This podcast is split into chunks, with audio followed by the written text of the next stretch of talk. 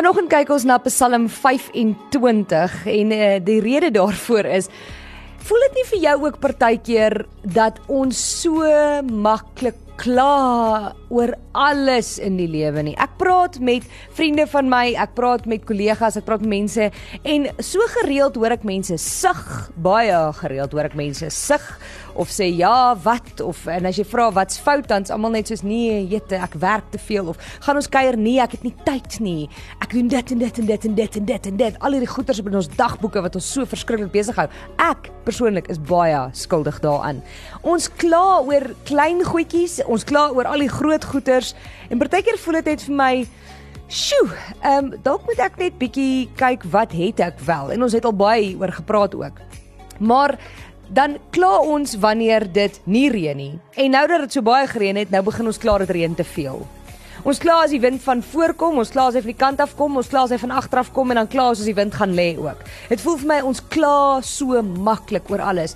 En ja, ons het baie om oor te kla of dalk het ons baie om oor te kla, maar ons het net so baie om oor te jubel en juig. Ons het net so baie om voor dankbaar te wees. Een daarvan is die feit dat jy 'n gelowige is, is die feit dat jy 'n God dien wat sterker, groter, almagtiger, genadiger met meer liefde is as enige van jou probleme. Nou Psalm 25 sê en ek gaan nie die hele een lees nie, maar gaan gaan lees asseblief die hele ene want dit sê dit maak my u weer bekend. Dit gaan weer terugkom na die fondament toe waar ons baie praat wat sê doen wat God se wil is, God se plan vir jou lewe, nie joune noodwendig nie. En dan in vers 4 sê die psalmdigter: "Maak my u wil bekend, Here, leer my u paaie, laat u waarheid my lei en onderrig my daarin, want u is God, my redder, en u stel ek elke dag my verwagting." Dit is tot en met vers 5 en dan gaan ek na vers 8 toe wat sê die Here is goed en regverdig. Hy wys selfs vir sondaars die pad aan. Hy laat aan hulpeloses reg geskied en hy leer hulle sy pad. Liefde en trou is die paaie wat die Here bewandel met die wat sy verbond en verordeninge bewaar.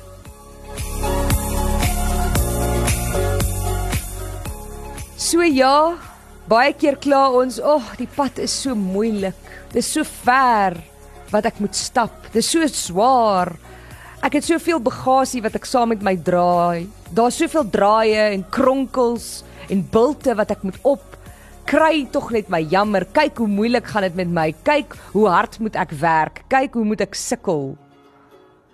En dan, soos ek gesê het, skaam ek my as ek agterkom hoe baie ek in 'n dag kla. Sommige uit gewoonte uit kla. Ek het vanoggend gekla toe ek hier aangekom het oor 'n paar dinge.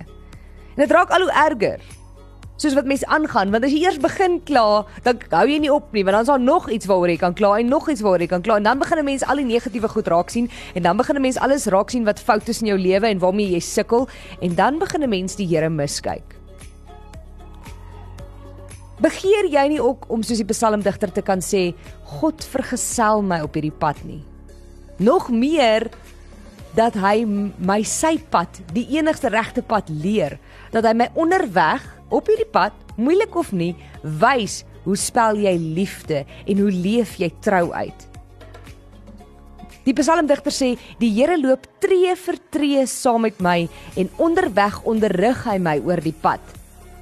Daar's nie tyd vir klagtes nie. Daar's nie kans vir selfbejammering en simpatie soek as jy hierdie pad saam met die Here stap nie.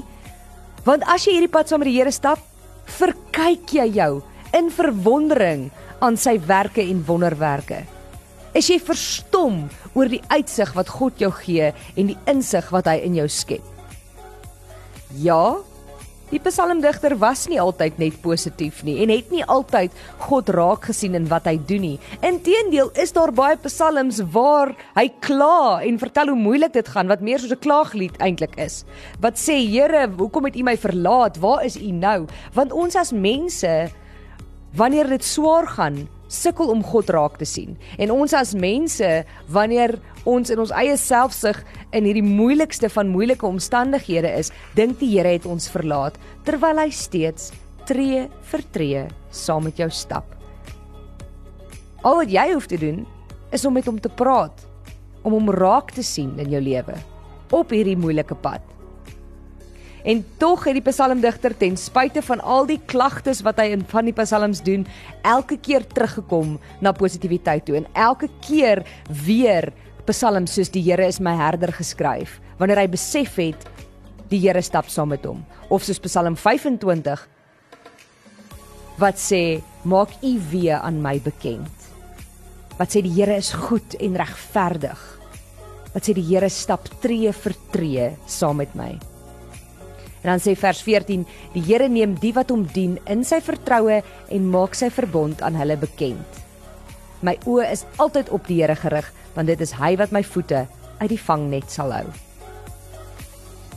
En mag dit wees wat jy gaan probeer om vandag reg te kry om jou oë op die Here gerig te hou sodat jou voete uit die vangnet kan bly.